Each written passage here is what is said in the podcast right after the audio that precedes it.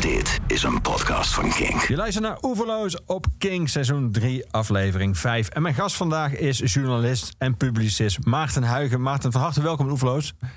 We gaan het hebben over, we spreken naar aanleiding van jouw nieuwe boek... Het Nut van de Man. En we gaan alleen maar nummers draaien in deze Oeverloos... die op de een of andere manier het thema mannelijkheid uh, behandelen. Uh, sommige van die nummers heb jij uitgekozen, sommige van die nummers uh, heb ik bedacht... Um, laten we eens even helemaal naar het begin van dit boek gaan. Want je beschrijft ergens uh, in het begin dat toen je iemand vertelde uh, dat het boek Het Nut van de Man ging heten, dat diegene antwoordde, wordt waarschijnlijk een heel kort boek. Um, hoe kom je op het idee om mannelijkheid uit te diepen? Omdat over het algemeen door de veranderingen, door de vrouwenemancipatie, mensen in het algemeen zich ongemakkelijk voelen om iets positiefs over mannen te zeggen. Afgezien dat er al seksisme en bewegingen over elkaar. Hè, dat, maar dat gebeurt meestal anoniem. Maar gewoon in zijn algemeenheid om iets te zeggen aan mannen wat, wat goed is aan mannen. Hè, men hoort heel veel wat er goed is aan vrouwen. Maar heel weinig over wat er goed is aan mannen. En toch meestal, als het slecht gaat met vrouwen, dan is dat meestal ligt dat aan de mannen. Dat is over het algemeen. En het is, zowel mannen als vrouwen hebben dat. Dat is zeker niet alleen uh, vrouwen die daarover. Er zijn ook veel mannen die over mannen klagen. Ja. En uh, er is ook wel onderzoek naar gedaan. En dat blijkt inderdaad. En dus dit, dit blijkt: mannen en vrouwen hebben moeite met negatieve verhalen. Dus ze vinden mm -hmm. eigenlijk uh, positieve verhalen ja, over ja. mannen vinden ze seksistisch, net zoals negatieve verhalen over vrouwen. Dat is ongeveer gelijkwaardig. En ook wel grappig uit het onderzoek was dat het ook niet zo seksen bepaald is wat er over mannen en vrouwen wordt gezegd. Dus, dus de werkelijkheid is aanzienlijk minder gepolariseerd dan je soms zou denken uit sociale en andere media. Ja, ja. Je had aan het begin van het boek jou, jouw drie zussen aan die uh, opgroeiden in, uh, in Maastricht, een katholieke omgeving. Uh, je zegt mijn drie zussen werden in, in dat tijd zwaar katholieke Maastricht traditioneel opgevoed. Um, jij zelf minder? nou, ik had meer vrijheid. Mijn oudste ik, ik, dat, was, dat was duidelijk wel uh, verschillend. Ik, uh, dat is, ik denk nu wel anders. Ik had meer vrijheid, zeker dan de zus direct op mij volgde. De zus die daarna kwam was al een stuk vrijer. En ja. die zus die daarna kwam, die kon alles doen wat ze wilde. Dus ook in mijn familie zie je al grote verschillen. Ja. En uh, ja, ik werd weer meer vrijgelaten met uitgaan, al die dingen. En de oude, oudste zus, dus die jonger is dan ik, had daar het meeste problemen mee. Ja. Feestjes en al die dingen. En ook veel meer uh, men traditioneel dacht van... ja, het moet toch een man zijn die... Uh, dat denken natuurlijk vaak ouders. Dat man, jongens of meisjes, of jongens of dochters of uh, zoons... een partner moeten hebben, daar denkt men vaak. Maar toen ook wel heel sterk van hè, een een partner die met vooruitzichten enzovoort is. Wat trouwens veel vrouwen nog steeds denken überhaupt. Maar uh, in Nederland. Uh, maar wel heel erg tradi ja, heel tra traditioneel. En het gekke is dat zij de alle drie helemaal geen traditioneel leven hebben geleid. Nee. Want twee van de drie waren kostwinner. Lange tijd. En eigenlijk één in zekere zin nog steeds. ja, dus ja, dat is heel anders gelopen. Ook zelfs in mijn generatie. En dat zie je natuurlijk bij jongere generaties nog veel meer. Ja, ja. En was de reden, zat er een soort idee achter over wat de norm moest zijn voor, uh, voor jonge vrouwen, voor meisjes? Of was het ook heel erg vanuit een soort van bescherming of veiligheid? Dat ze bijvoorbeeld uit mochten dat voor meisjes onveiliger was. Als ze dan s'avonds nog naar huis moesten fietsen en zo. Waren ja. dat soort argumenten ook veel aan? Ja, onveiliger was. Ja, onveiliger was. En uh, men maakte zich zorgen. Ja, wie weet waar ze allemaal terecht komt. En uh, bij mij maakten mijn ouders daar, zich daar minder zorgen over. Ik, ik, had, uh, ik heb altijd het gevoel dat ik een enorme vrijheid had. Überhaupt denk ik dat kinderen in zijn algemeenheid grotere vrijheid hebben dan ze hadden, dan ze nu hebben. Dat is ook een van de oorzaken waarom ouders nu zo ontzettend veel tijd uh, nodig hebben om hun kinderen op te voeden. Want ja, eh, mijn zus zat bij de hockey. En uh, ja, die ging echt alleen met de trein naar Venlo met ja. haar team. Er was echt geen groep ouders die daar meegingen om langs de lijn te staan kijken. Nee. En uh, er stond afgelopen zaterdag grappig genoeg in trouw dat ook de tegenwoordige kinderen daar niet zoveel prijs op stellen dat hun ouders langs de lijn staan. dus wat dat betreft hadden wij allemaal een beter leven misschien toen. ja, ja. En welke ideeën over wat jij als eh, man behoorde te doen... of wat jouw taak als man was, eh, werden jou in je opvoeding meegegeven? Had jij een idee, had jij, kreeg je, heb je een soort bepaald beeld van mannelijkheid... en ook jouw manier om daaraan te voldoen meegekregen? Ja, ik denk wel dat ik, eh, dat ik dacht, ik moet de kost verdienen. Dat zat er toch wel in.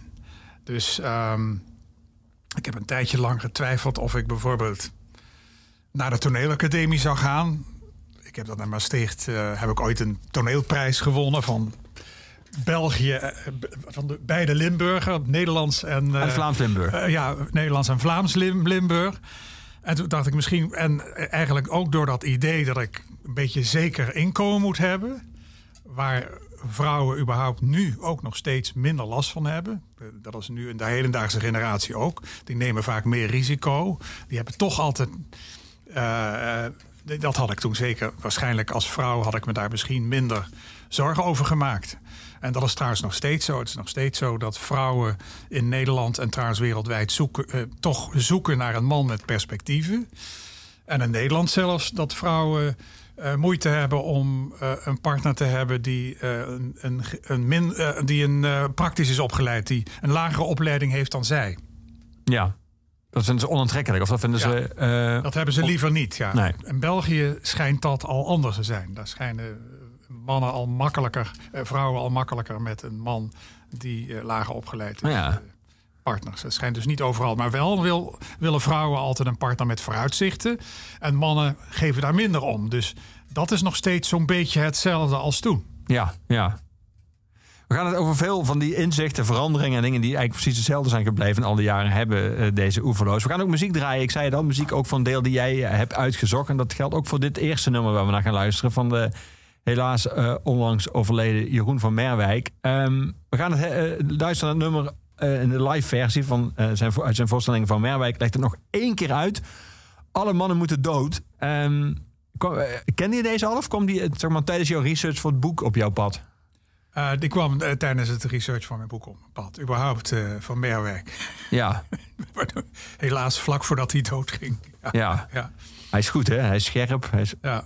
ja. Moest je meteen lachen om deze? Ja, ik moest er meteen om lachen. En, en ik heb hem wel vaker gehoord, maar, en, en, maar nu, eh, toen ik hem, eh, in verband met research, ja, toen eh, plotseling had ik, potverdorie, wat, wat is dit goed, ja. Ja. We gaan hem luisteren. Jeroen van Merwijk. Een vrouwenvriendelijk lied.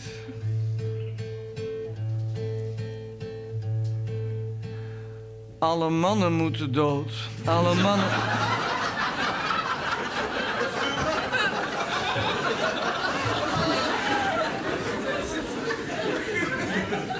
Je kan ook nooit eens een keer een serieus vrouwenvriendelijk lied zingen. Zodat iedereen gelijk begint te lachen. Probeer het nog een keer.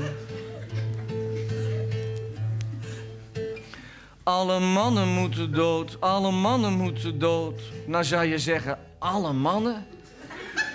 Ja, dat zie ik groot. Alle mannen moeten dood, alle mannen moeten dood, alle mannen, alle mannen moeten dood. Er is op heel de wereld niet zo treurig als een man. Een korte broek met witte benen en met zwarte sokken aan.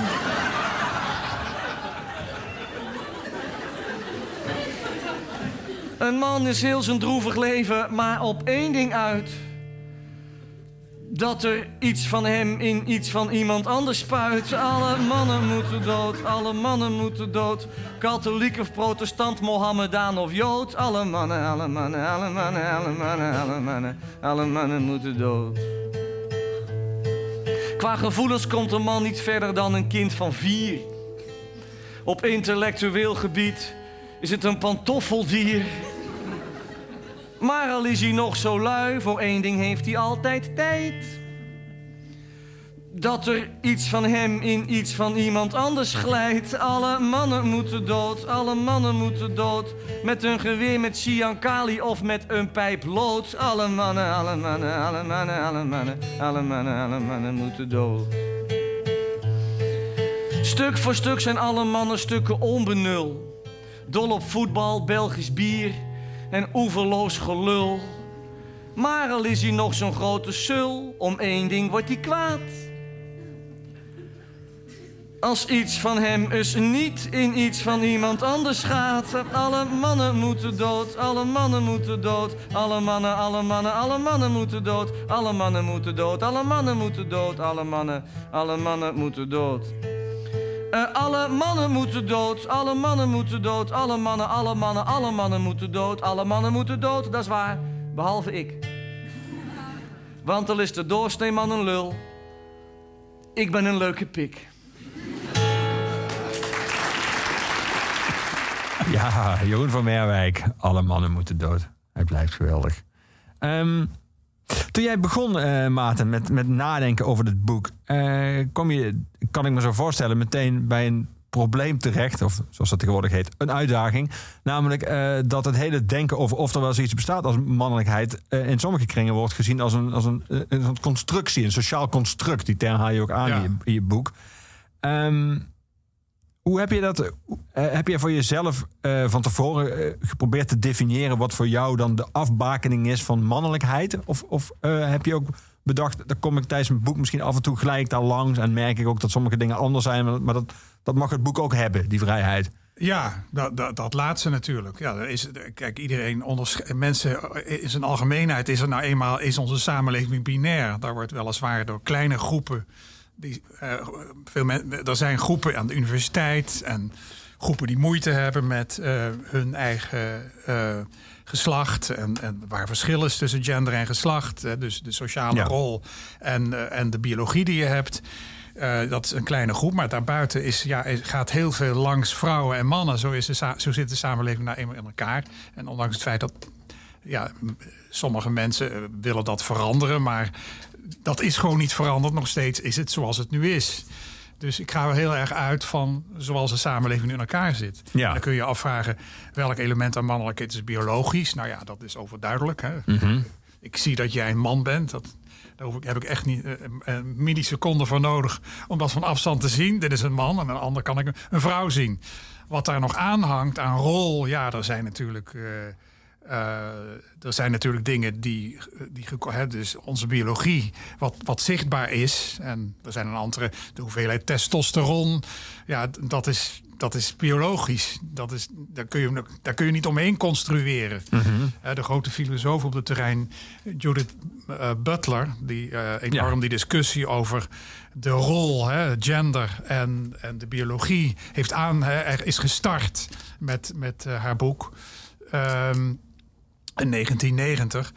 Um, die heeft niet kunnen, die heeft daar ook enorm mee geworsteld. En soms zei zelfs dat geslacht een constructie is. Dat, dat is natuurlijk duidelijk niet. Maar natuurlijk, er is heel veel cultureel en geconstrueerd. En er zijn natuurlijk heel veel mannen die zich meer als vrouw voelen. Het is natuurlijk een spectrum. Het is een spectrum. En statistisch kun je wel zeggen dat mannen. Wat minder extravert zijn over het algemeen. Dat wil niet zeggen dat er heel veel extraverte mannen zijn.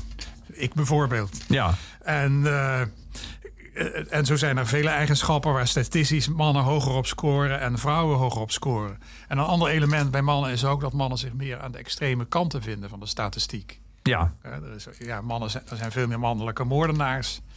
Er zijn veel meer mannelijke daklozen. Er zijn veel meer mannelijke uh, mannen die vreselijk in de problemen raken, uh, persoonlijk. Uh, dus dat soort extreme vind je veel meer. En aan de andere kant vind je veel meer mannen aan de top. Je vindt meer mannelijke in de geschiedenis, meer mannelijke Nobelprijswinnaars. Misschien gaat dat veranderen. Hè? Je ziet dat nou veranderen. Je ziet meer vrouwen opkomen op allerlei terreinen.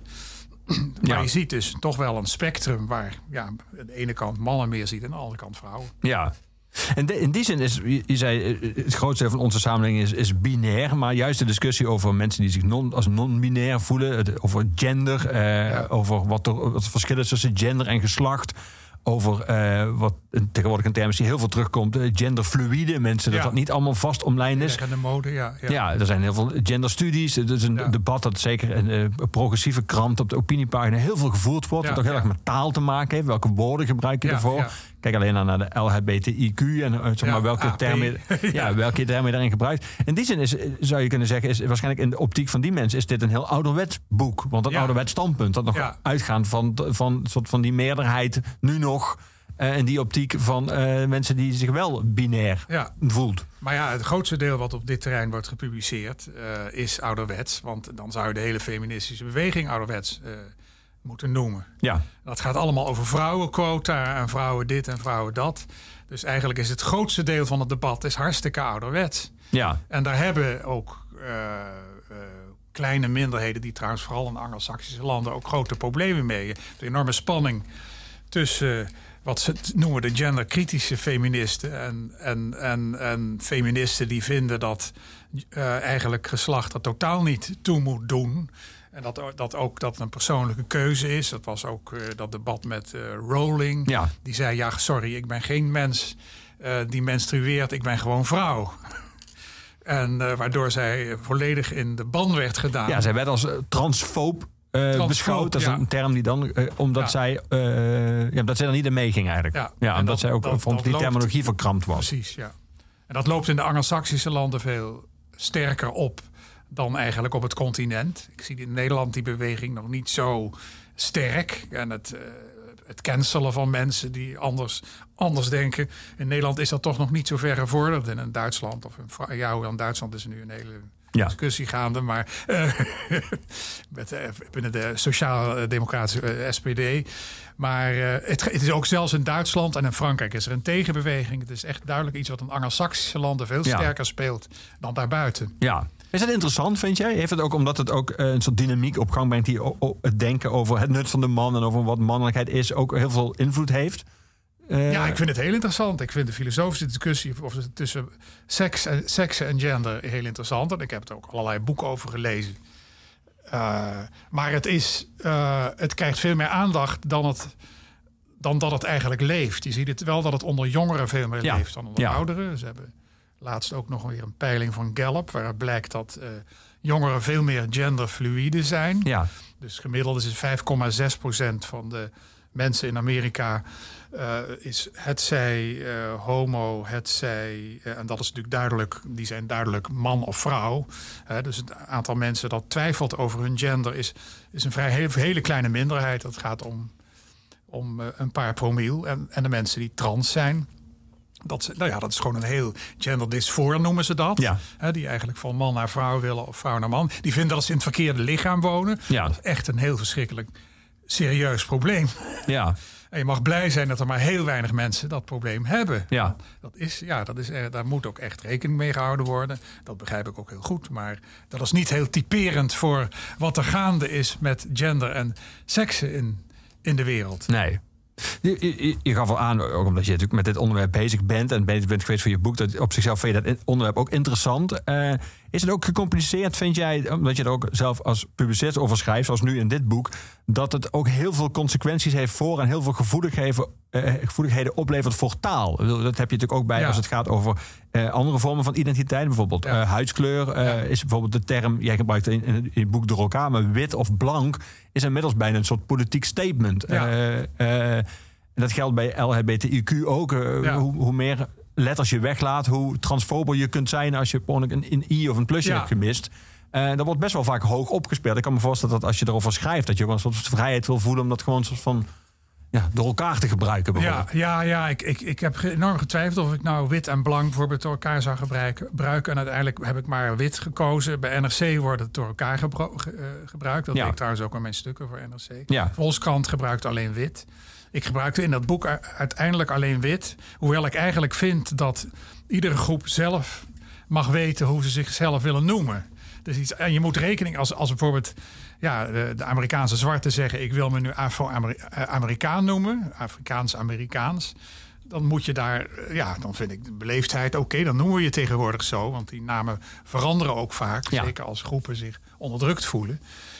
Maar dat geldt dan ook. Marokkaans-Nederlands geldt hetzelfde. En dat geldt ook andersom. Dus als witte mensen, dus ik, zeg, ik noem mezelf liever blank, dan zou je die term moeten. Ja, dan zou je die term Ja. moeten gebruiken. Maar mij maakt het niet uit, wit of blank. Hoewel wel vaak wit, de mensen die wit gebruiken, dat vaak in negatieve zin gebruiken. Het is vaak eh, als iemand witte man zegt, hè, dat was ook bij dat debat in RTL, daar stonden twee witte mannen. Ja, dan weet je dat is slecht. Ja, Rutte en... eh, dubbel slecht eigenlijk. Ja, dat was echt dubbel slecht. Hè. Die stonden daar, ja, ze konden er niks aan doen. Rutte en Hoekstra, maar ja, die stonden met een blauwe pakker. En dan zei, ik geloof ik, van de SP. Ja, maar daar staan twee witte mannen. Ja, dan, dan weet je dat is heel slecht. Ja. Dat is wel het nadeel van de uitdrukking wit. Dat vrijwel nooit in positieve zin wordt gebruikt. Nee. Of in neutrale zin, wel, eens, wel een neutrale zin moet ik toegeven. Mhm. Maar witte man is meestal, is niet veel goeds van te verwachten. Ja, maar goed, uit opportunistische reden gebruik ik wit. Ja. Omdat ik ook de mensen wil bereiken die, die daar heftig in geloven. Ja, ja. Ik vind dat, dat het fijn vinden als zij ook het boek zouden lezen. Ja.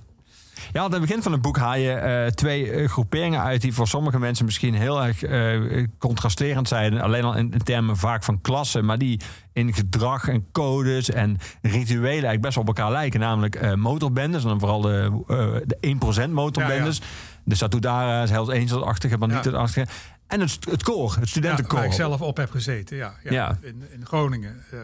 Vindicat, nota bene. Die Ja. nu zo'n slechte naam heeft omdat het volledig in de alcohol en, en allerlei rare toestanden een beetje verzopen is. Ja, was dat toen ook al zo? Nee, dat was toen eh, totaal anders. Dat was toen eh, net eh, het tweede jaar dat het gemengd was. Als het niet gemengd was geweest, was ik er ook geen lid van geworden. Ja, ik ben te geïnteresseerd. Ik was toen zeker te geïnteresseerd in vrouwen om alleen tussen mannen te zitten. Ja. En ik vind überhaupt En altijd... je haalde je boek ook aan dat er heel veel organisaties die alleen man uit mannen bestaan en ook trouwens alleen uit vrouwen het beter doen in alle opzichten als ze gemengder worden.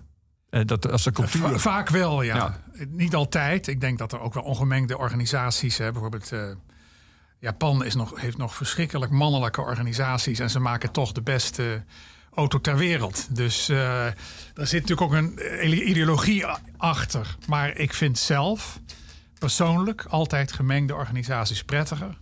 Ik vind de sfeer prettiger. En ik denk ook dat ik denk, denk uiteindelijk ook voor de creativiteit, dat vind ik persoonlijk, ook beter is. En ik geloof nog wel een enig verschil tussen mannen en vrouwen. En ik hou ook wel erg van de vrouwelijke inbreng. Net zoals overigens van de mannelijke inbreng. Maar Ja, ik, ik, ik hou van die menging. Ja. Dat vind ik ook het leuke van de journalistiek. Het is, het is heel sterk gemengd in eh, samenstelling van redacties.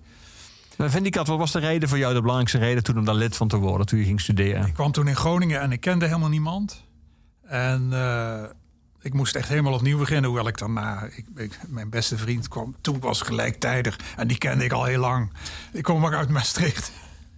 En, eh, en dat is eigenlijk mijn beste vriend toen gebleven. Maar eh, die werd trouwens ook lid van het koor. En die. eh, ehm, maar die kwam ik daar pas tegen, want ik wist niet dat hij daar zat. En ik was een beetje uit het oog verloren in Maastricht. Maar, en dat was een ideale manier om, om gewoon tegelijk, heel veel mensen tegelijk te leren kennen. Wat je wil doen in je eerste jaar. Als je ergens eh, Ja. opnieuw moet beginnen. En eh, het was ook een hele actieve vereniging in die tijd. En eh, ze, ze, ze deden gewoon heel veel dingen. Meer dan al die andere verenigingen die er waren. En de enige andere vereniging die in Groningen ook zo actief was, of club of groep, dat waren de communisten. Ja, Je had toen- dus dat was de keuze. Het koor of de communisten. Je had ook wel Albertus, andere studentenvereniging. Maar eh, echt heel actief waren de communisten en de koorleden. Dat waren echt twee groepen heel extreme. Ja, Die soms ook wel eens samen wat deden. Ik heb ook Oh, een uitgeverij wat dan? Maar soms, ik heb bij een uitgever die later heel erg GroenLinks is geworden. Bij bij een redactieraad. Maar je had soms... eh, ja, ze zaten ook allebei in de typisch koorleden. En communisten zaten ook in de universiteitsraad bijvoorbeeld. nou ja. De liberale koorleden en, en communisten. ja. En dat was heel gepolariseerd. Hè. De koor was natuurlijk vreselijk en, nou, enzovoort. Maar, maar ze deden ook wel eens dingen samen. Maar eh, eh, ze, ze, nee, ze, ze werden wel eens gedwongen om dingen. Ja. Soms kwam het wel eens uit. Ja, eh, over het algemeen eh, waren koorleden goed in organiseren. Ja. Ja. En, eh, en, dat, en leerde je daar ook. En Ja. de communisten Ja. ook. Ja. En de communisten ook. En dat, dat zat natuurlijk heel erg in een hele starre code. En dat had er bij de communisten eigenlijk ook, ja. Ja. En die beschrijf ik dan. En die deed me soms een beetje denken aan motorbendes. En dan zijn er bepaalde gewoontes die ze hebben. Het was toen allemaal veel liever. Er was geen eh, eh, groentijd zoals nu. En je was niet verplicht om een flesje neven te drinken. Nee, je kwam bij koorouders terecht. En die koorouders zorgden dat het allemaal, die, vroegen, zich- die wilden ervoor zorgen dat het allemaal goed met je ging. Dus dat was een beetje het tegenovergestelde van eh, een groentijd. Het was allemaal heel lief, het was jaren zeventig. Ja, En, da- en, en die, dat conservatieve sfeertje is teruggekomen. En het koor is eigenlijk veel, meer, veel marginaler geworden. Het aantal mensen dat nu nog lid is van een gezelligheidsvereniging. Dat is iets van 5 tot 6 procent van de hele studentenbevolking. Daar is natuurlijk ook nog de HBO bijgekomen. Ja. Eh, die, eh, en dat was toen wel een veel, eh, ja, het was toen veel, het was toen een veel belangrijker partij. ja. En, Is het ook vormend geweest voor jou als we het hebben over mannelijkheid, koor? Ja, het heeft. ik, nou, ik, ben dat ik, ik denk dat ik veel minder verlegen, dat ik mij verlegen, minder verlegen ben geworden. Dat heb ik al geleerd. Dat je een beetje van je afbijt. Want er waren natuurlijk wel mensen die, eh, die aanvielen. En dan moest je daarmee discussiëren. En eh, ja, dan moest je van je afbijten. Ja. En ik denk dat veel vrouwen daar ook wel wat aan hebben gehad. Want vrouwen moesten dat net zo goed. Die hebben, Ja. eigenlijk, die hebben zich in die mannelijke cultuur aangepast. Je ziet dat nog steeds. Ja, nu gaat, hebben die vrouwen zijn vaak hees. Omdat ze zo hard brullen. De schorre En- meisjes, ja. ja, dat was toen in die tijd wat minder heftig. Het is nu al heel erg een drankcultuur geworden. En ik hoop dat het weer wat, eh, dat het wat verbetert. Dat Ja. het minder plat wordt ja. dan het nu is. Maar snap jij, omdat je dat koor voor jou ook zo vormend is geweest, snap jij dan ook eh, wat de aantrekkingskracht is voor mannen uit hele andere geledingen en hele andere, eh, met hele andere achtergronden van bijvoorbeeld zo'n motorbende? Ja, zeker. Ja, De- de- het heeft een soort saamhorigheid. En je hebt bepaalde unieke gewoonten. Bij het koor was dat bijvoorbeeld... als er dan eh, werd gezongen O Mutua Fides... zo heet eigenlijk de kroeg waar iedereen komt. En als iedereen dat zong, dan moest, moest iedereen gaan zitten in plaats van staan. En de rest van de wereld staat eh, als, het, als het heel plechtig wordt. Maar Ja. eh, daar moest je juist gaan zitten. En dan gingen dan mensen toch staan, moesten naar beneden worden getrokken. En door die anticultuur, dat schept natuurlijk een band samen. Ja, Dat je bepaalde hele merkwaardige gewoonten hebt. Dat schept een soort band. Dat is, Ja. is leuk. En daar, zetten, en daar zetten wij natuurlijk mijn vriendenkring weer, zich weer heel sterk tegenaf. Tegen de typische koorcultuur. Wij waren weer anders. We wilden ons niet aan conformeren. Maar bepaalde dingen deden we natuurlijk wel aan mee. Maar eh, dus, nou ja, dat geeft een bepaalde discussie. Dat is wel grappig. Ja. Dat, eh, ja, dat... eh, ik vond het wel een leuke tijd. Ik, ik zat ook op een literair dispuut. Ik heb daar voor het eerst eh Salambo gelezen van Gustave Flaubert. En eh, historische romans. Er was iemand gespecialiseerd in historische romans. Simon Vestdijk met Thomas Mann en dat soort dingen. Dat heb ik daar ook gedaan. En toneel gespeeld uiteraard. Ja, ja. Dat vond ik heel leuk. Ja. Dat kon ik dan toch doen, hoewel ik dat niet mijn carrière wilde maken. ik studeerde rechten. ja. Dus, eh, nou, dat, eh, dus eh, nee, ik heb er in die zin veel aan gehad. ja. We gaan dadelijk verder praten. We gaan muziek draaien nu. Er zijn de Killers met The Man.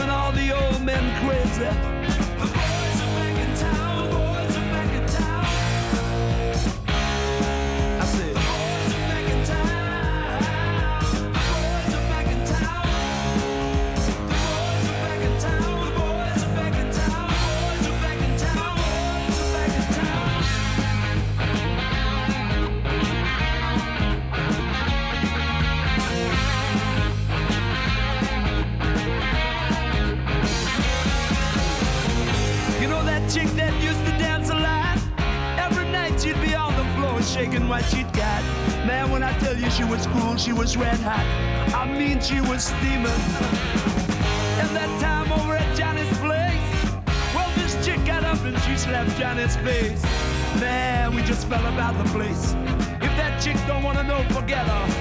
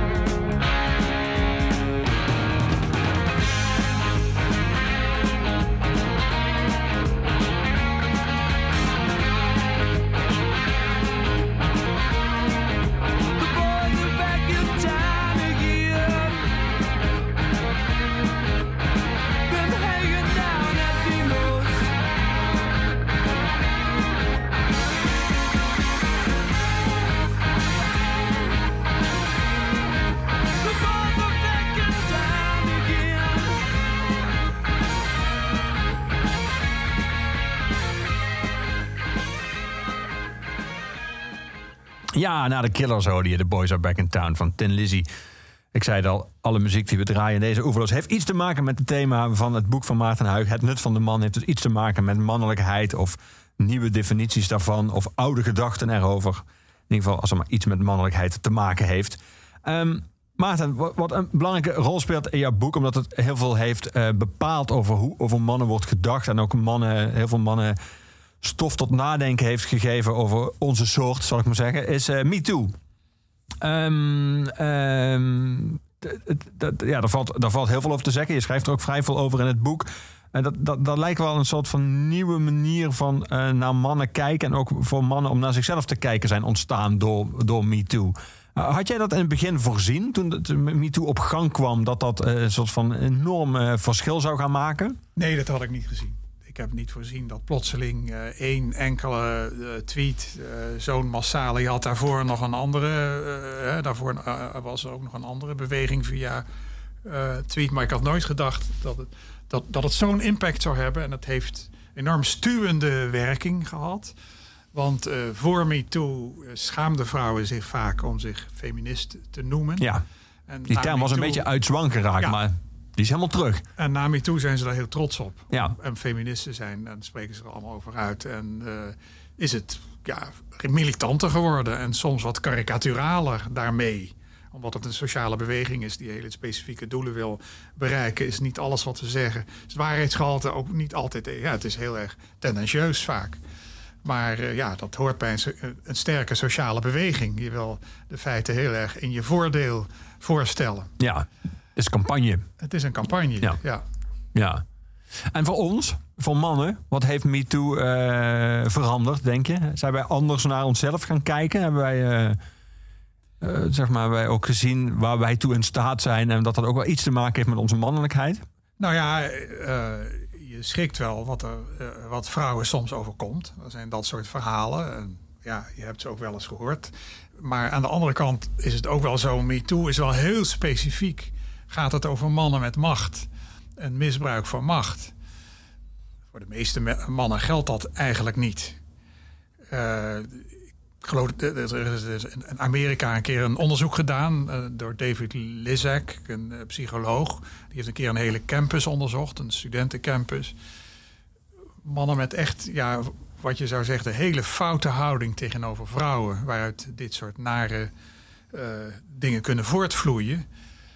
Ehm, ja, dan, dan spreek je over 1 op 16, 1 op 17 mannen. Want men heeft vaak, men telt vaak hoeveel vrouwen zijn lastiggevallen door Ja. mannen. Hè. Men telt vaak aan de andere kant. Maar je kunt ook wel eens stellen, hoeveel ma- mannen maken zich daaraan schuldig? Ja, en, en dan sprak Lizak had het over eh 1 op de 16 mannen, 1 op de 17. Ja, die kunnen natuurlijk heel wat schade veroorzaken. En dat zijn Nederland bovenbazen, dat zijn ook allerlei soorten mannen, allerlei omstandigheden zich eh, ja, als mispunten gedragen. En het is ook zo dat eh, mannen. Eh, dat, dat, het, dat het vaak helaas dat vrouwen niet kunnen klagen, dat, dat die procedures verkeerd zijn als ze worden dwarsgezeten in hun werk, of Ja. een baas zit achter hun aan, of ze hebben nee gezegd tegen die baas en denken, nou, daar, daar komen gevolgen van. Hè, dat was ook met dirigenten het geval, eh, die eh, uiteindelijk zijn eh, ontslagen. Zoals David Levine, je had ook. Eh, eh, er is ook een geval onthuld van die, die Gatti, van de dirigent van het concertgebouw. Ja, dat is dan mi- misbruik van eh machtspositie. in die twee gevallen veel, in eh, Amerika. We hebben het nu over, over Weinstein en de filmwereld, eh, Kevin Spacey. Het was best wel veel in de culturele wereld eigenlijk. Best veel in de culturele Ja. wereld, maar daar is natuurlijk de macht van mannen heel groot. Als zij eh, rollen kunnen kiezen van mensen. Als zij kunnen kiezen wie, wie een bepaalde rol krijgt in een film. En eh, ja, hoe objectief is dat, dat jij een bepaalde actrice kiest. En eh, vaak hebben ze daar ook eh, misbruik van gemaakt door hun seksueel te chanteren. Dat is Ja. in een aantal gevallen duidelijk gebeurt. En ook, en ook aan de toneelacademie. Maar ik denk niet dat je kunt zeggen dat ja, dat geldt niet voor mannen in het algemeen. Ik denk wel dat allerlei mannen dingen fout hebben gedaan. En ik heb ook dingen fout gedaan. Maar zo zijn er ook vrouwen die het een en ander fout hebben gedaan. In, in deze sfeer, in, in de erotische sfeer, Ja, waar het hier om gaat. En het is wel zo dat de man sterker is dan de vrouw. Dus inderdaad, fysiek bedoel je. Ja, vrouwen ja. worden vaker. En, en ja, verkrachtingen. Ja, eh, ja, mannen verkrachten is een stuk moeilijker. Het, het is wel gebeurd, maar eh, dat gebeurt dan vaak ook door mannen. Ja. Maar ook, ja, vrouwen hebben ook wel eens eh, mannen seksueel misbruikt, maar dat gebeurt aanzienlijk minder. Er is inderdaad dat biologisch verschil, waardoor eh, vrouwen daar beslist veel meer, veel meer last van hebben. Ja.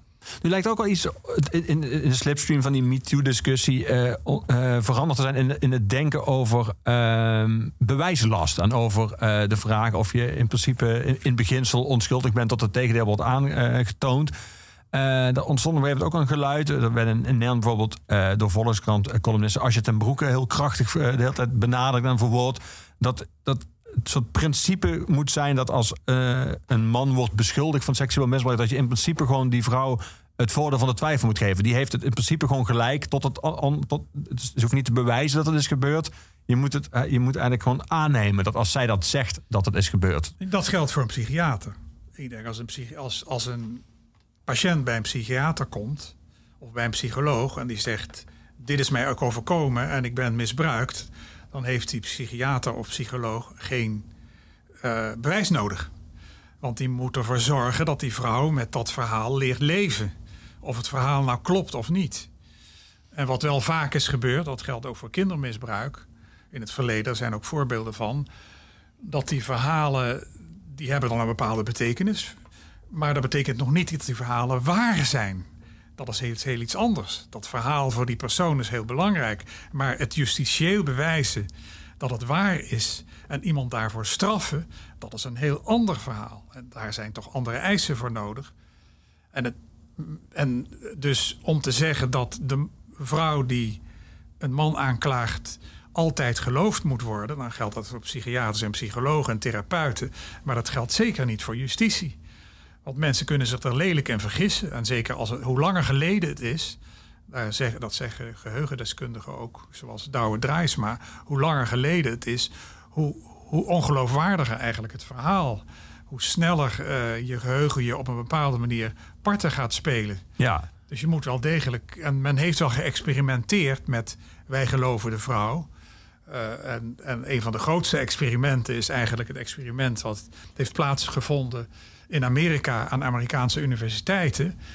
Dat men het in een soort eh, mensenrecht heeft gemaakt dat elke klacht wordt gehoord en dat het ook anoniem wordt gehoord. En dat betekende ook dat eh, vrouwen anoniem konden klagen tegen een bepaalde docent. En dat die docent dan eh, ja, kon worden ontslagen. Dan werd er een commissie op losgelaten. Want het was eigenlijk een, een, een mensenrecht dat, je, dat, dat jouw klacht werd behandeld. Maar dat ging dan wel ten koste van het mensenrecht van de aangeklaagde. Die vaak helemaal niet wist wie iemand had wie eh, de aanklager was. En er was verder ook geen bewijs. En die commissie, aangezien het een mensenrechtencommissie eh, was, hoefde ook geen justitieel onderzoek te doen. Dus er hoefde, er hoefde, eigenlijk, er hoefde eigenlijk niet te hoeven, bewezen, te, bewe- te, te, te hoeven bewijzen om de student of de docent te verwijderen. ja, In de New York Times stond een heel interessant voorbeeld van een eh, vrouw, dat was notabene een aangeklaagde vrouw, die lesbisch was en die aan het solliciteren was. Die werkte aan de ene universiteit en die solliciteerde bij een andere universiteit. En die was aangenomen. En haar partner werkte ook, eh, moest ook daar een baan zien te krijgen, dat was normaal. Maar tegen die partner werd plotseling een aanklacht ingediend. En dat was problematisch. Daardoor kon zij niet meer benoemd worden daar. En eh, toen, na heel lang uitzoeken, bleek dat de anonieme klacht kwam van een directe concurrent. Die ook op die baan had geaast. En hoopte dat haar concurrent zou afvallen. Zijn concurrent, het was een man in dit geval, zou afvallen. Waardoor hij zou worden benoemd. En niet die vrouw die een partner had die van misbruik werd beschuldigd. En zij zou nooit zonder haar partner naar die hele andere plaats verhuizen.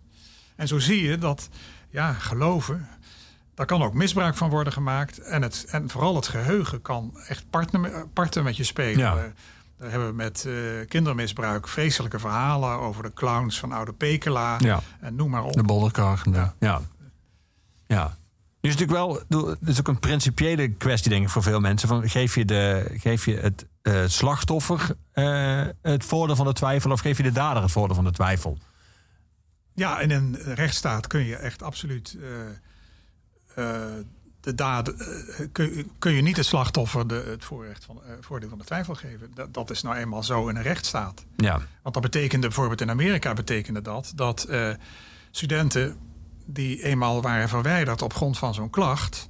En vaak waren dat moeilijke verhalen, een verhouding die niet goed liep.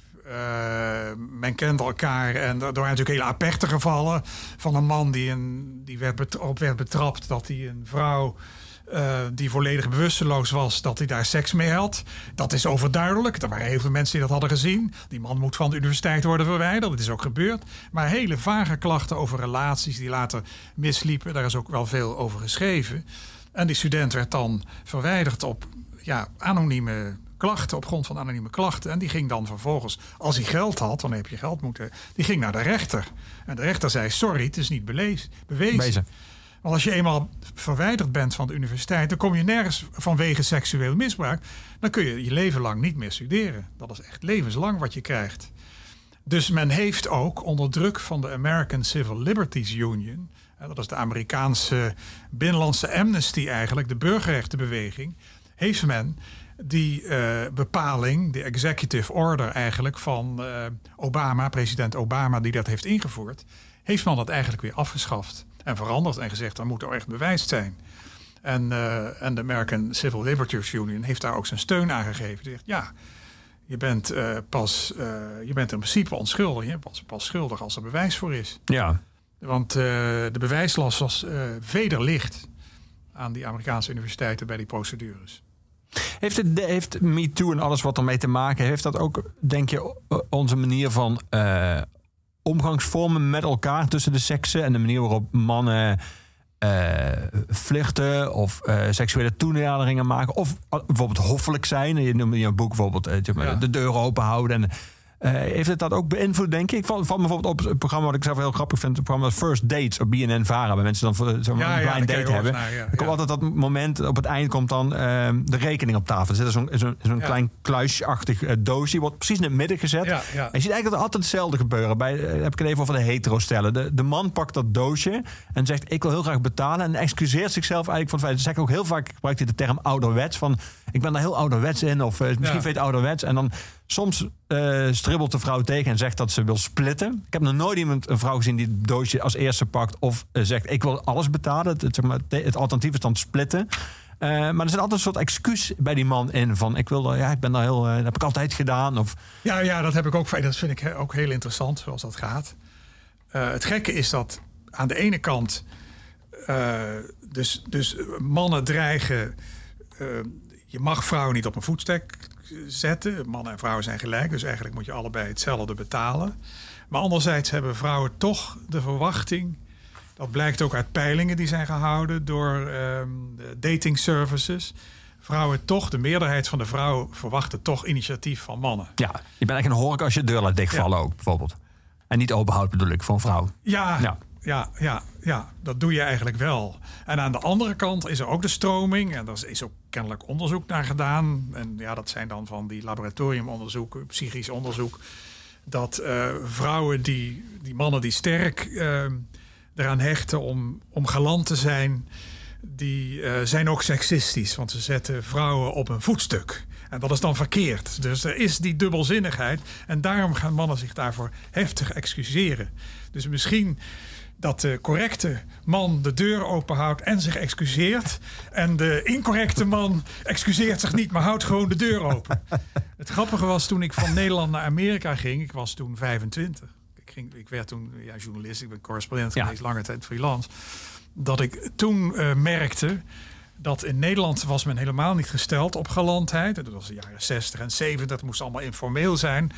Terwijl in Amerika waren vrouwen van mijn leeftijd geëmancipeerder. Ze deden ook vaker het woord. Het was volledig gelijkwaardig ook aan de universiteit. Dat viel me sterk op. Meer nog dan in Nederland, waar mensen, vrouwen met zeer groot talent, toch altijd hun mond hielden. Ja, In Amerika eh, praten ze evenveel als mannen. Maar, maar die vrouwen die, eh, die stelden het dan toch op prijs. In al een emancipatie en de battle of the sexes die je dan soms ook had. Dat je, als je, hè, toen had je nog niet afstandsbediening voor de deur. Dat je om de auto heen liep. De deur voor haar open deed. Zij ging zitten, weer terug. En dan pas je eigen slot openmaken en dan wegrijden. Nou, dat was in Nederland was dat totaal belachelijk. je beschrijft, het een beetje alsof je, dat, alsof je, je beschrijft het een beetje alsof je, of je dat bij je eerste date niet in de gaten had. Gewoon ging zitten en dat... Ja, ja, oh ja, maar daar ben ik vaak tegen met mijn neus. Men, men stelde daar veel meer prijs op, op traditioneel galante manieren. Maar dat is in Nederland tegenwoordig ook. Nederland was grover en botter dan het nu is. Nederland is ook op een Amerikaanse manier beleefd geworden. Dat men vaker zegt, hi, how are you doing? Ja, ja. Eh, men zegt niet meer, eh, eh, twee ons vlees, alsjeblieft. Nee, had- dag, hoe gaat het ermee, slagen? Ja. We gaan muziek draaien, Maarten. Die heb jij uitgezocht. Het is een nummer van eh, Brigitte Kaandorp. Het heet Grote Blote Man. Eh, ik- ken je deze wel of kom je deze ook in, in je, je mannen-research voor, het- voor het Ja, boek ik, tegen? ik vind Brigitte Kaandorp geweldig. En eh, ik weet niet of ik het wel eens een keer gehoord heb. Het is heel erg Brigitte Kaandorp humor. Ja, we gaan naar luisteren. Grote Blote Man.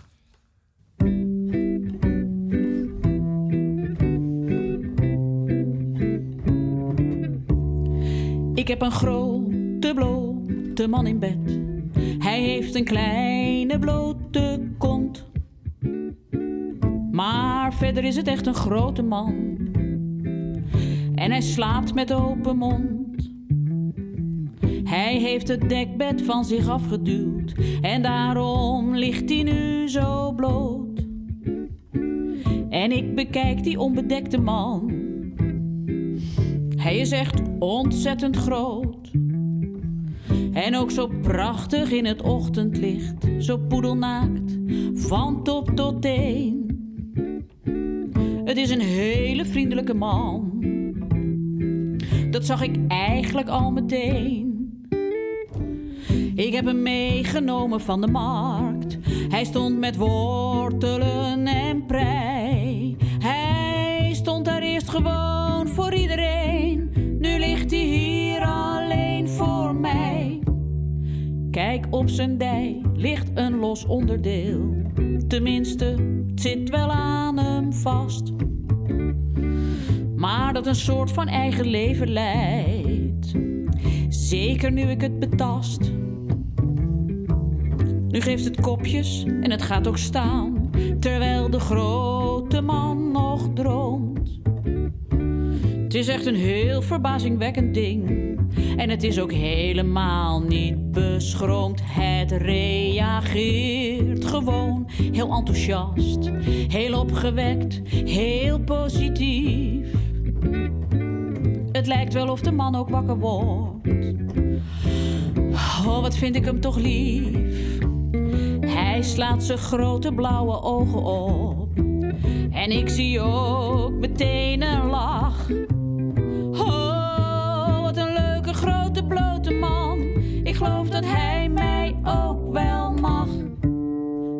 Die schijnt al door het zolderraam. De vogels fluiten het hoogste lied.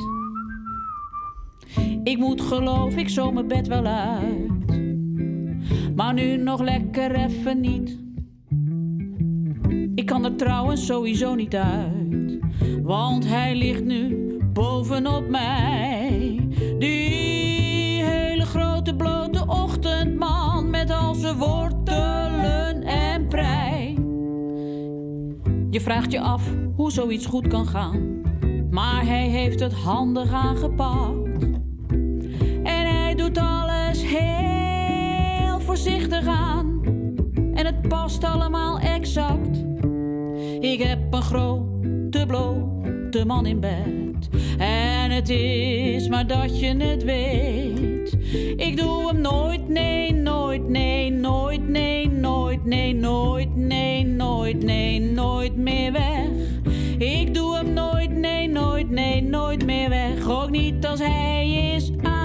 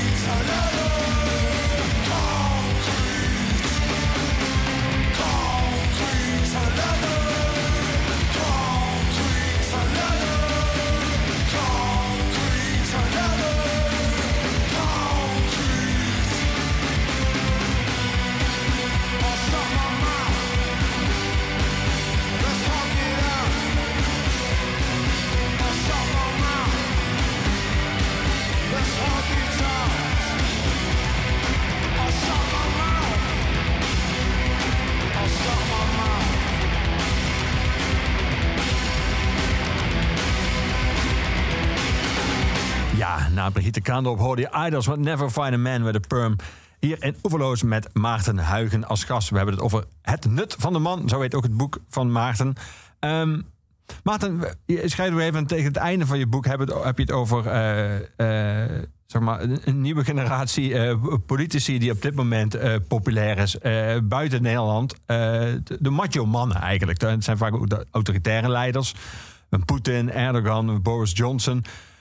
Eh, die is dan niet autoritair, maar eh, Donald Trump, ook een macho. Eh, Berlusconi was natuurlijk ook. Sarkozy eigenlijk was ook wel een, mannetje. Je zegt dat in Nederland is dat eigenlijk... Je zegt, een Nederlandse John Wayne of Donald Trump zou zich belachelijk maken. Zelfs Nederlandse populisten zijn geen macho's. Maar dandies die zichzelf graag in de spiegel bekijken... met geblondeerd haar of een bundeltje lavendel om aan te ruiken. eh, heb je het over respectievelijk Fortuyn Wilders en Thierry Baudet. Je hebt jarenlang in Amerika gewerkt als journalist, als correspondent. Ehm, als je het hebt over de, zeg maar, de man, eh, wa- waar past Donald Trump dan? En, en is dat echt, vind jij, een typische macho? Bijna een ouderwetse macho? Ja, dat lijkt me wel een eh, macho, ja. Ook, eh, en ik, zeker niet alle macho's misdragen zich zo tegen eh, vrouwen zoals Trump dat heeft gedaan. Er zijn ook macho's die niet eh, eh, waarschijnlijk zo'n vrouwen op die manier eh, seksueel misbruiken. Wat hij ook eigenlijk heeft gedaan. Ja. Gezien al die... Grab hem bij de pussy en andere hem ja. Maar eh, hij is macho in de zin dat eh, hij, hij vindt dat de man superieur is. Dat is heel duidelijk en dat blijkt uit alles. En eh, hij luistert slecht en nee, hij neemt beslissingen. En kennelijk zijn er veel kiezers, mannen en vrouwen, want ook wel vrouwen, die daar behoefte aan hebben. Aan die duidelijkheid. En eh, hij maakt ook nooit fouten. Hij wil ook nooit zijn fouten toegeven. Het is allemaal heel sterk. En daar zit ook een heel sterk element van ressentiment in. Want de veranderingen die zich hebben plaatsgevonden door de wereldwijde vrouwenbeweging. En Abraham de Zwaan heeft daar zelfs een hele boek over geschreven, geheten eh, Tegen de vrouw, over het mannelijke ressentiment voor die grote veranderingen van mannen, eh, gebieden waar- die eigenlijk exclusief mannelijk waren. Ook de politie, de militairen, alles waar nu tegenwoordig ook allerlei vrouwen zitten. Ja. Vrouwen doen het allemaal even goed als mannen. Mannen doen, die doen het beslist niet eh, minder. Ze voelt zich bedreigd. En die voelen zich bedreigd. En er is natuurlijk ook meer competitie. Dat betekent ook, ik denk dat de jongere generatie. eh, er zijn überhaupt veel meer mensen die bijvoorbeeld naar de universiteit gaan. Dus er zijn veel meer mensen die strijden om dezelfde banen bij de universiteit. En dat aantal is bij wijze van spreken bijna twee keer zo groot, omdat vrouwen meer mee concurreren. Dus ik denk dat voor jongeren de concurrentie voor eh, schaarse posten veel sterker is geworden dan bij de oudere generaties. Ja. En iemand als Trump of de mensen die, dat, die hem aanhangen... Die, die verlangen bijna naar een soort duidelijkheid van zoals het vroeger was. Een soort van, Ja, een soort nostalgie. En die verzetten zich toch wel heel erg tegen de. Eh, die willen de vrouw weer terug hebben op haar onder, in een onderdanige positie, zoals dat eerst was. En eh, die, die hebben ook een sterke nostalgische politiek. Die, willen eh, die hebben ook, de, Baudet heeft dat heel duidelijk. Ja. Die wil terug naar vroeger. Terug naar de 19e eeuw. Misschien zelfs van voor de renaissance. precies, het gaat ja. nog heel ver. Voor zover dat technologisch nog kan. En eh, bij, eh, dus, dus die, die zucht naar traditionele verhoudingen, zonder immigratie, zonder eh, multiculturalisme en ook met minder vrouwenemancipatie, die is heel sterk onder een bepaalde categorie mannen. Ja. Zeker onder een bepaalde categorie mannen die, die, ja, die niet zo geslaagd is. En dat is überhaupt heel sterk bij de identiteitspolitiek, denk ik. Hangt ook sterk samen met meritocratie. Dat iedereen prestaties moet leveren. En dat als je dat niet doet, dat het je eigen schuld is. Wat natuurlijk heel vaak niet zo is. Er zijn heel veel niet iedereen kan hetzelfde. Nee. En aangezien dat dan toch als een eigen falen wordt gezien, vaak onterecht, omdat niet iedereen hetzelfde succes kan hebben, eh, ja, gaat men dan andere groepen de schuld geven. Ja. Je haalt iemand aan die eh, onder jonge mannen, vooral mannen even in de, in de hoek van de jongeren voor vorm van democratie, eh, als denker en als een soort van bijna, ja, bijna, ik zou bijna zeggen, ideologisch vaderfiguur een tijdje heel populair was. Jordan Peterson. Ja, Eh, ja. Die is wel echt interessant, vind ik. Die heeft eh, verschillende boeken geschreven, maar eentje zijn een soort van twaalf regels voor mannen om zich aan te houden. En eigenlijk is hij daar een soort hele strenge vader. Hij houdt mannen voor dat ze gedisciplineerd zijn. Je moet je kamer opruimen. Eh, hij, hij werd er weer, omdat hij ook vanwege andere uitspraken van hem, die heel vrouwenvriendelijk waren, werd hij meteen in een soort van extreemrechtse hoek eh, geplaatst. Maar op zichzelf is zijn, eh, zijn verhaal is niet alleen maar een heel eh, simpel eh, mannen zijn superieur aan vrouwen verhaal. Er zit wel meer onder dan dat. Die van zijn Nee, boek. sterker nog, het, het is sterk door mannen geadopteerd, dat boek. Maar het, het boek richt zich helemaal niet tot mannen. Dus je moet je kamer op, opruimen, is ook een aanbeveling voor vrouwen. Ja. Maar vrouwen doen het wel vaker dan Ja. mannen. mannen laten wel vaker dingen lopen dan vrouwen dat doen. Dat is ook een van de oorzaken dat vrouwen tegenwoordig in, eh, aan onderwijs het veel beter doen dan mannen omdat mannen de neiging hebben om te laten eh, versloffen. Nou, dat boek 12 regels voor het leven Ja. is één groot pleidooi tegen het laten versloffen. ja, het is eigenlijk een boek voor zelfdiscipline en voor. eh, Ja, Ja. En, en dat, is, ja, dat is sterker omdat mannen nou eenmaal, zeker jonge mannen, de neiging hebben om de, dat, lukt me, dat lukt me toch wel. Een over, overmaat aan zelfvertrouwen, waardoor ze soms slordig zijn en denken dat komt wel. Nou ja, met onderwijs komt het dan niet, want vrouwen doen het daar gewoon beter.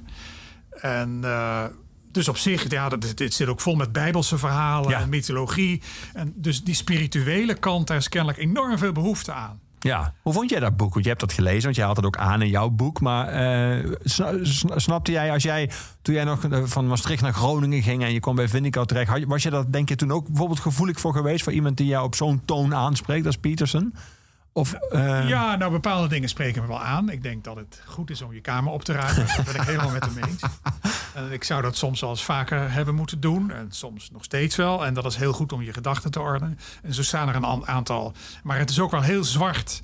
In de zin dat eh, hij vergelijkt mensen met... ehm, met eh, kreeften. Het leven van een kreeft of van een krab. Eh, het is geloof ik lobster, hè? geloof ik. Lobster, ja. Lobster, ja. Dus een, een, een, het leven van een kreeft is afgrijzelijk. Tenminste, als je dat beschreven ziet. Dat is alleen maar vijandigheid. En dat je alleen maar achter je schild kruipt. En iedereen is de vijand. Iedereen. Ook je eigen soort. ja. Dat is wel een heel zwart beeld van de mensheid. Hij is, aan de andere kant is hij wetenschappelijk eh, psycholoog. Hij heeft aan Harvard gedoseerd, dat is eigenlijk de andere gedaante. Want hij is heel succesvol om mannen geworden met dit soort aansporingen. En daarin, ehm, ja, kennelijk was hij, eh, is hij daar een, een spiritueel vacuüm van mannen getroffen. Van mensen die zoeken naar hun eigen identiteit en zoeken naar mythes en bijbelse verhalen waar ze zich aan kunnen laven, waar ze geïnspireerd door kunnen worden. Maar aan de andere kant is hij wetenschappelijk psycholoog en heeft hij ook eh, onder andere een methode ontwikkeld, samen met eh, die door iemand anders was bedacht, waarin eh, mannen, waarin studenten doelen moeten stellen in hun leven. En dat is in Nederland ook toegepast bij de Rotterdam School of Business aan de Erasmus Universiteit. Het bleek dat ehm, mannelijke studenten en studenten met een migratieachtergrond veel vaker afvielen in hun eerste jaar dan vrouwelijke studenten. En eh, toen zijn ze met die methode van goal setting begonnen. En Michaela Schippers is daar hoogleraar organisatiepsychologie.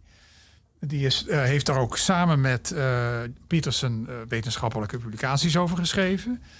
En zij heeft het ook toegepast in ehm, Erasmus met succes. Want de eerstejaars werden gedwongen om vragen te beantwoorden wat ze eigenlijk wilden doen met hun leven.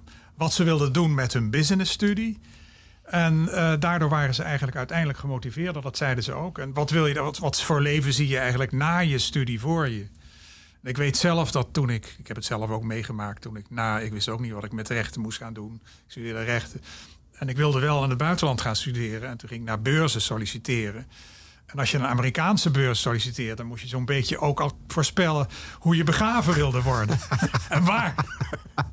En toen ben ik ook pas gaan nadenken wat ik met die studie wilde gaan doen, en wat ik later eigenlijk wilde. En Ja, toen heb ja. ik ook besloten dat ik journalist wilde worden. En dat is waar, als je meer, en dat kan mislukken, maar het is toch goed om een doel voor ogen te hebben. En dat is dan een punt waar Pietersen wel Pietersen, ja. degelijk zijn nut heeft bewezen en bewijst in Rotterdam. Ja, ja.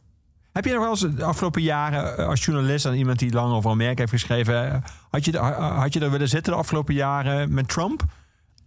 Snapte jij nog het land waar jij zo lang eh, heb gewerkt? Nou, dat element, dat reactionaire element is heel sterk, maar het is veel en veel sterker geworden. Of ik er nou zo ga, het is een periode, ik heb er bijna elf jaar gezeten, die ik gewoon twee periodes. En eh, nu zijn er 17,5 miljoen eh Amerika-deskundigen in eh, Nederland. en online. Ja, en virologen. ja, ja, precies. Dus eh, dat, dat is, eh, als je dan correspondent wordt, je door zoveel mensen word je eh, bekeken. Ja, ook dat is gepolitiseerd. Dat is gepolitiseerd, maar ehm, eh, ja, het, het is natuurlijk voor een correspondent een hele interessante ontwikkeling. Dat is het zeker. Het is niet zo dat ik nou nu vreselijk verlang om daar te zijn. Ik ben daar lang geweest. Onder welke president heb jij dan gediend, zou ik maar zeggen? Van eh, president Carter naar president Reagan. Dat was ook een enorme omslag naar eh, het conservatisme. Ja. Een hele liberale, vrijgevochten eh, regering van Carter. En later van Bush, de oude Bush, naar Clinton. Dat Ja. was ook weer een omslag. Dat was eigenlijk de omslag van het republikeinisme weer naar een democraat. En dat was nu helemaal- eigenlijk. Ja. ja, na de val van de muur. Dat was Ja. het Amerika van na de val van de muur. De, de vijand was weg, dus binnenlandse dingen werden ook veel belangrijker. En dat was voor mij leuk als correspondent. Ik schreef heel vaak over allerlei interessante trends die, die misschien later ook in Amerika zouden landen, in Nederland zouden landen. Ja. In de jaren negentig was die identiteitspolitiek aan de universiteiten al heel sterk ontwikkeld. Dus ik heb daar toen veel over eh, geschreven al. Ja. Over politieke correctheid. Dat is een term die ook in Amerika is verzonnen door iemand. Ja, ja ik nu, ik, weet je, vervangers door woke als, als term. Ja, nu vervangen is door woke. En het heeft veel langer geduurd voordat dat echt in Amerika arriveerde, in Nederland arriveerde. Meest gemiddeld is dat, duurt het vijf jaar voor een ontwikkeling van Amerika naar Nederland gaat. Maar dat, die hele wokeness, die was in begin jaren negentig, daar was al behoorlijk aan de gang. Dat heeft pas heel lang geduurd voordat het in Nederland landde. Ja. Is eigenlijk pas goed geland na MeToo. Ja. Had jij kunnen voorzien toen dat eh, iemand als Reagan bijvoorbeeld, die toen door progressieve mensen als heel erg rechts werd gezien, ook gezien zijn, eh, zijn, zijn buitenlandpolitiek ten aanzien van bijvoorbeeld Latijns-Amerika. Die is nu bijvoorbeeld door iemand als Obama, wordt hij eigenlijk altijd genoemd als een van zijn inspiratoren. Als het gaat over zijn communicatieve vaardigheden en zijn humor en manier, Ja. zeg maar, het soort van het te communiceren naar de bevolking toe. Het lijkt alsof hij in een heel ander licht wordt gezien dan destijds. Ja, en dat, dat geldt voor mij ook, want ik, ik was inderdaad vrij kortzichtig toen ik zat daar onder Carter. Ik was een beetje zo eh, D66 linksachtig. Dus ik, ik was wel eh, tevreden met Carter. En ik heb dat van Reagan totaal niet zien aankomen. Ik was behoorlijk onervaren. Ik zoals mensen nu de vorige keer dachten dat Hillary ging winnen en dat Ja. het voorbij zat waar Ja. de Trump won. Ja, dat heb ik. ik heb, Hillary heb ik nooit zo. eh, dat mij had ik nooit zo durven voorspellen dat Hillary won. Ik had daar niet zoveel vertrouwen in toen. Maar eh, de- ik heb totaal misgegokt eh, bij Reagan. En ik kan me herinneren, ik, ik had toen een kantoor in een National Press Building. En dat dan al die Reagan-mensen in het verkiezingsjaar er in de lift stonden met hun speltjes. En het was voor mij totaal nieuw. Een totaal nieuw soort mens. En eh, nou ja, die heb ik natuurlijk enorm leren kennen. En ik heb er enorm ingestort daarna. Toen Reagan eh, gewonnen had, toen dacht ik, ja, hier loop ik toch wel verschrikkelijk achter. En ja, een, aantal, en dat waren trouwens redelijk democratische mensen. Ja. Helaas is de achterban van Trump dat niet meer. Nee. Een aantal van die mensen zijn niet meer zo democratisch. Dat waren ze toen wel. En ik, dat, wat toen heel erg speelde, eh, begin jaren 80 onder Reagan, was wapenbeheersing en de nucleaire dreiging. Er waren massale protesten in eh, Nederland eh, tegen de plaatsing Ja. van kor- korte afstand eh, kernwapens. En eh, ik werd ook in Amerika heel vaak gevraagd om te praten over hoe Europa daar tegenaan was. Tegen, eh, bij allerlei fora. Eh, oh, ik heb er zelfs ook over geschreven voor bladen. Eh, en toen bleek later dat Reagan de grote deal had gesloten met Gorbachev. Wapenbeheersings, Ja. waardoor die eh, raketten niet hoefden te worden geplaatst in Nederland. Dus Reagan is eigenlijk toch wel veranderd op den duur. Hij, hij, eh, hij, in het begin zaten er behoorlijke haviken toen. Ja. En die mensen waren er toch eindelijk op uit op een akkoord. Ze wilden alleen veel hardere voorwaarden stellen dan de mensen van president Carter. En eh, ook dat had ik. eh, ik weet niet of ik het verkeerd heb gezien of dat Reagan veranderd is uiteindelijk. het lag ook wel aan de persoon Reagan. Er waren ook wel mensen die ik heb geïnterviewd. Ik had enorm veel toegang toe. Omdat de Nederlanders zo kritisch waren, ha- had ik als journalist behoorlijk veel toegang tot de Reagan-mensen. Veel meer dan ik later als NRC-journalist toegang had tot eh, Clinton Ja. en Bush-mensen. Eh, dat ging ook wel, maar goed, ik, ik heb in, in het begin jaren eh, 80 had ik enorme eh, veel toegang. En ja, er zaten ook neoconservatieven bij, neoconservatieve beweging. En, maar dat is toch allemaal. dat, waren niet. Dat, dat is niet zo extreem vol ressentiment. als dat eigenlijk onder Trump is geworden. Dat Nee. is toch van een heel ander karakter. En uiteindelijk is er een keurig wapenbeheersingsverdrag gesloten. Onder leiding van Paul Nitze. Die daar eigenlijk zelf, zeker zelf als onderhandelaar, een hele professionele onderhandelaar. die op de goede plek was Ja. gezet. En eh, die een mooie deal heeft gesloten. Ja. En toen later in eh, 1989 uiteraard onder Bush eh, de val van de muur. En natuurlijk, ik denk dat Gorbachev dat de eerste verdienste was. Kohl is ook heel belangrijk geweest, maar president Bush zeker ook wel. Ja, ja. Gelukkig dat daar geen Trump zat in die tijd. zo. Dan was het heel wat beroerder afgelopen. Ja, die bouwde een andere muur. Ja, We gaan muziek draaien, Maarten. En een nummer dat jij hebt uitgekozen, als we het over mannelijkheid hebben. Things You Say and Don't Say. Eh, naar wie gaan we luisteren? naar eh, Mary Battiata, die, eh, die eh, voor eerst journalist was voor de Washington Post. Eh, ik heb haar eh, leren, ik ken haar al heel lang, vanaf ook toen ze studeerde. Wij studeerden aan, bij dezelfde universiteit. En zij is later journalist geworden van de Washington Post. Ze heeft ook de oorlog in Joegoslavië verslagen. Daar moest ze zware kogelvrij, ze is vrij klein, vesten dragen. En misschien door de spanningen, maar ze heeft lange tijd is zij naar polsen verlamd geweest. Ze kon niet tikken meer. Ze moest eigenlijk spreken. Maar het zegt ook iets over vrouwen die eh, oorlogsverslaggeving gingen doen. Dat was echt een nieuwe ontwikkeling. En nu, als ik een Nederlandse pers lees, de meerderheid van de oorlogsverslaggevers zijn vrouwen. En je zou toch zeggen in strikte, om- dat is geen veilige omgeving in eh, politiek correcte taal. Ja, En toch eh, durven ze het en doen ze het minstens even goed als mannen. ja, En zij is later eh, countryzangeres geworden. ja. Is bij de Washington Post weggegaan, is countryzangeres. Dat is wel een, echt een hele gave carrière switch overigens. Ja, gave carrière Zo. switch. Ja. Echt heel gaaf. We gaan een keer naar luisteren. Things You Say and Don't Say.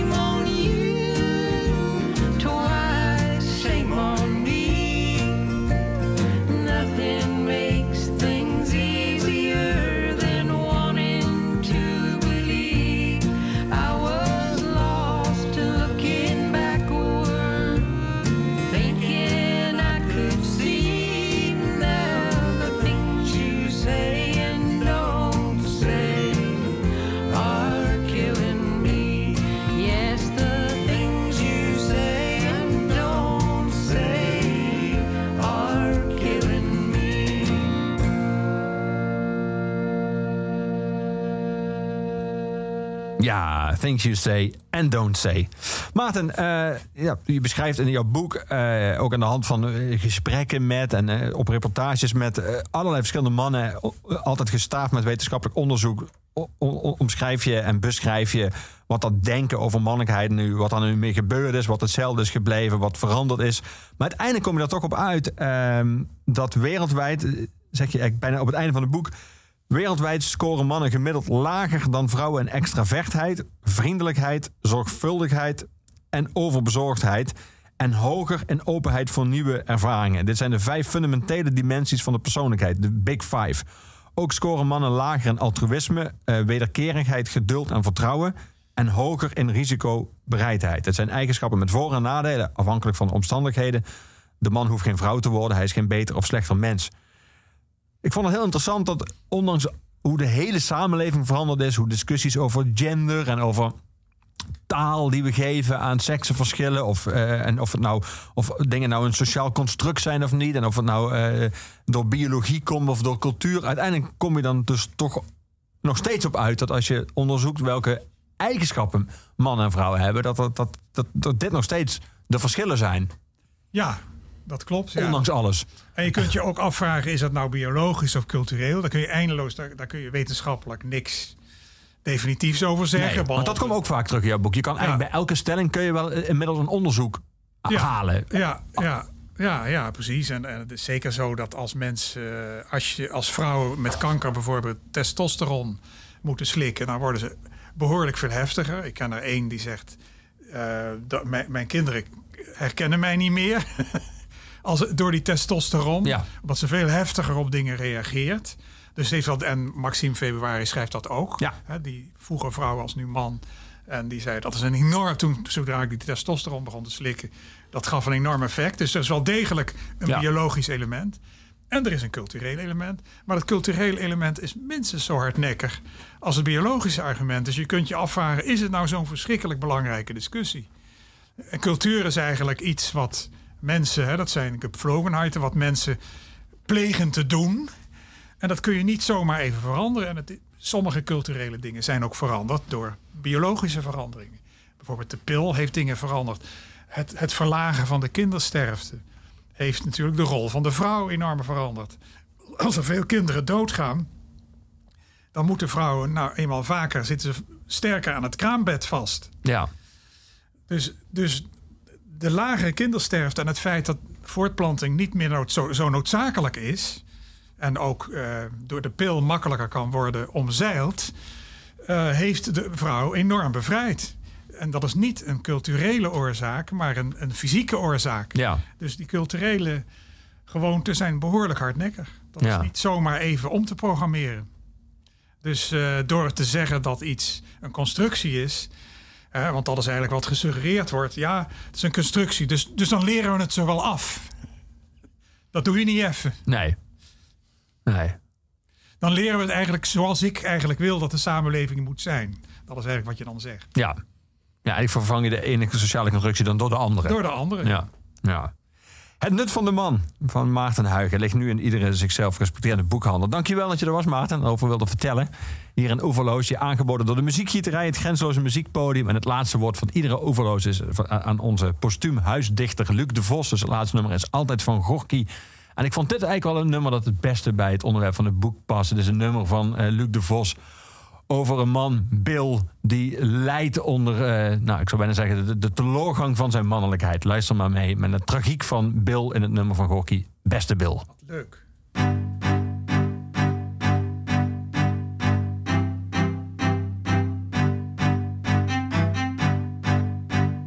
Beste Bill, ik zag daar net je vrouw. En ze zei dat je langzaam impotent wordt. Is dat waar? Arme beste kerel, wie zal je troosten? Als je vruchteloos verlangt.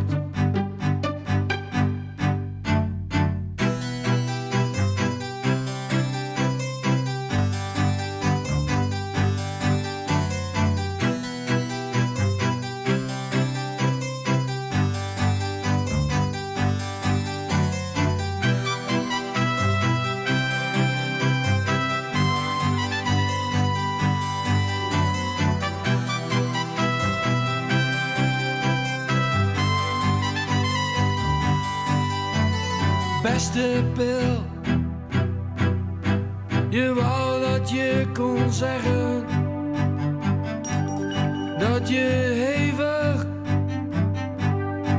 dit leven had geleefd en dat je een man was, vrij en zonder schulden, dat je ouders was geweest.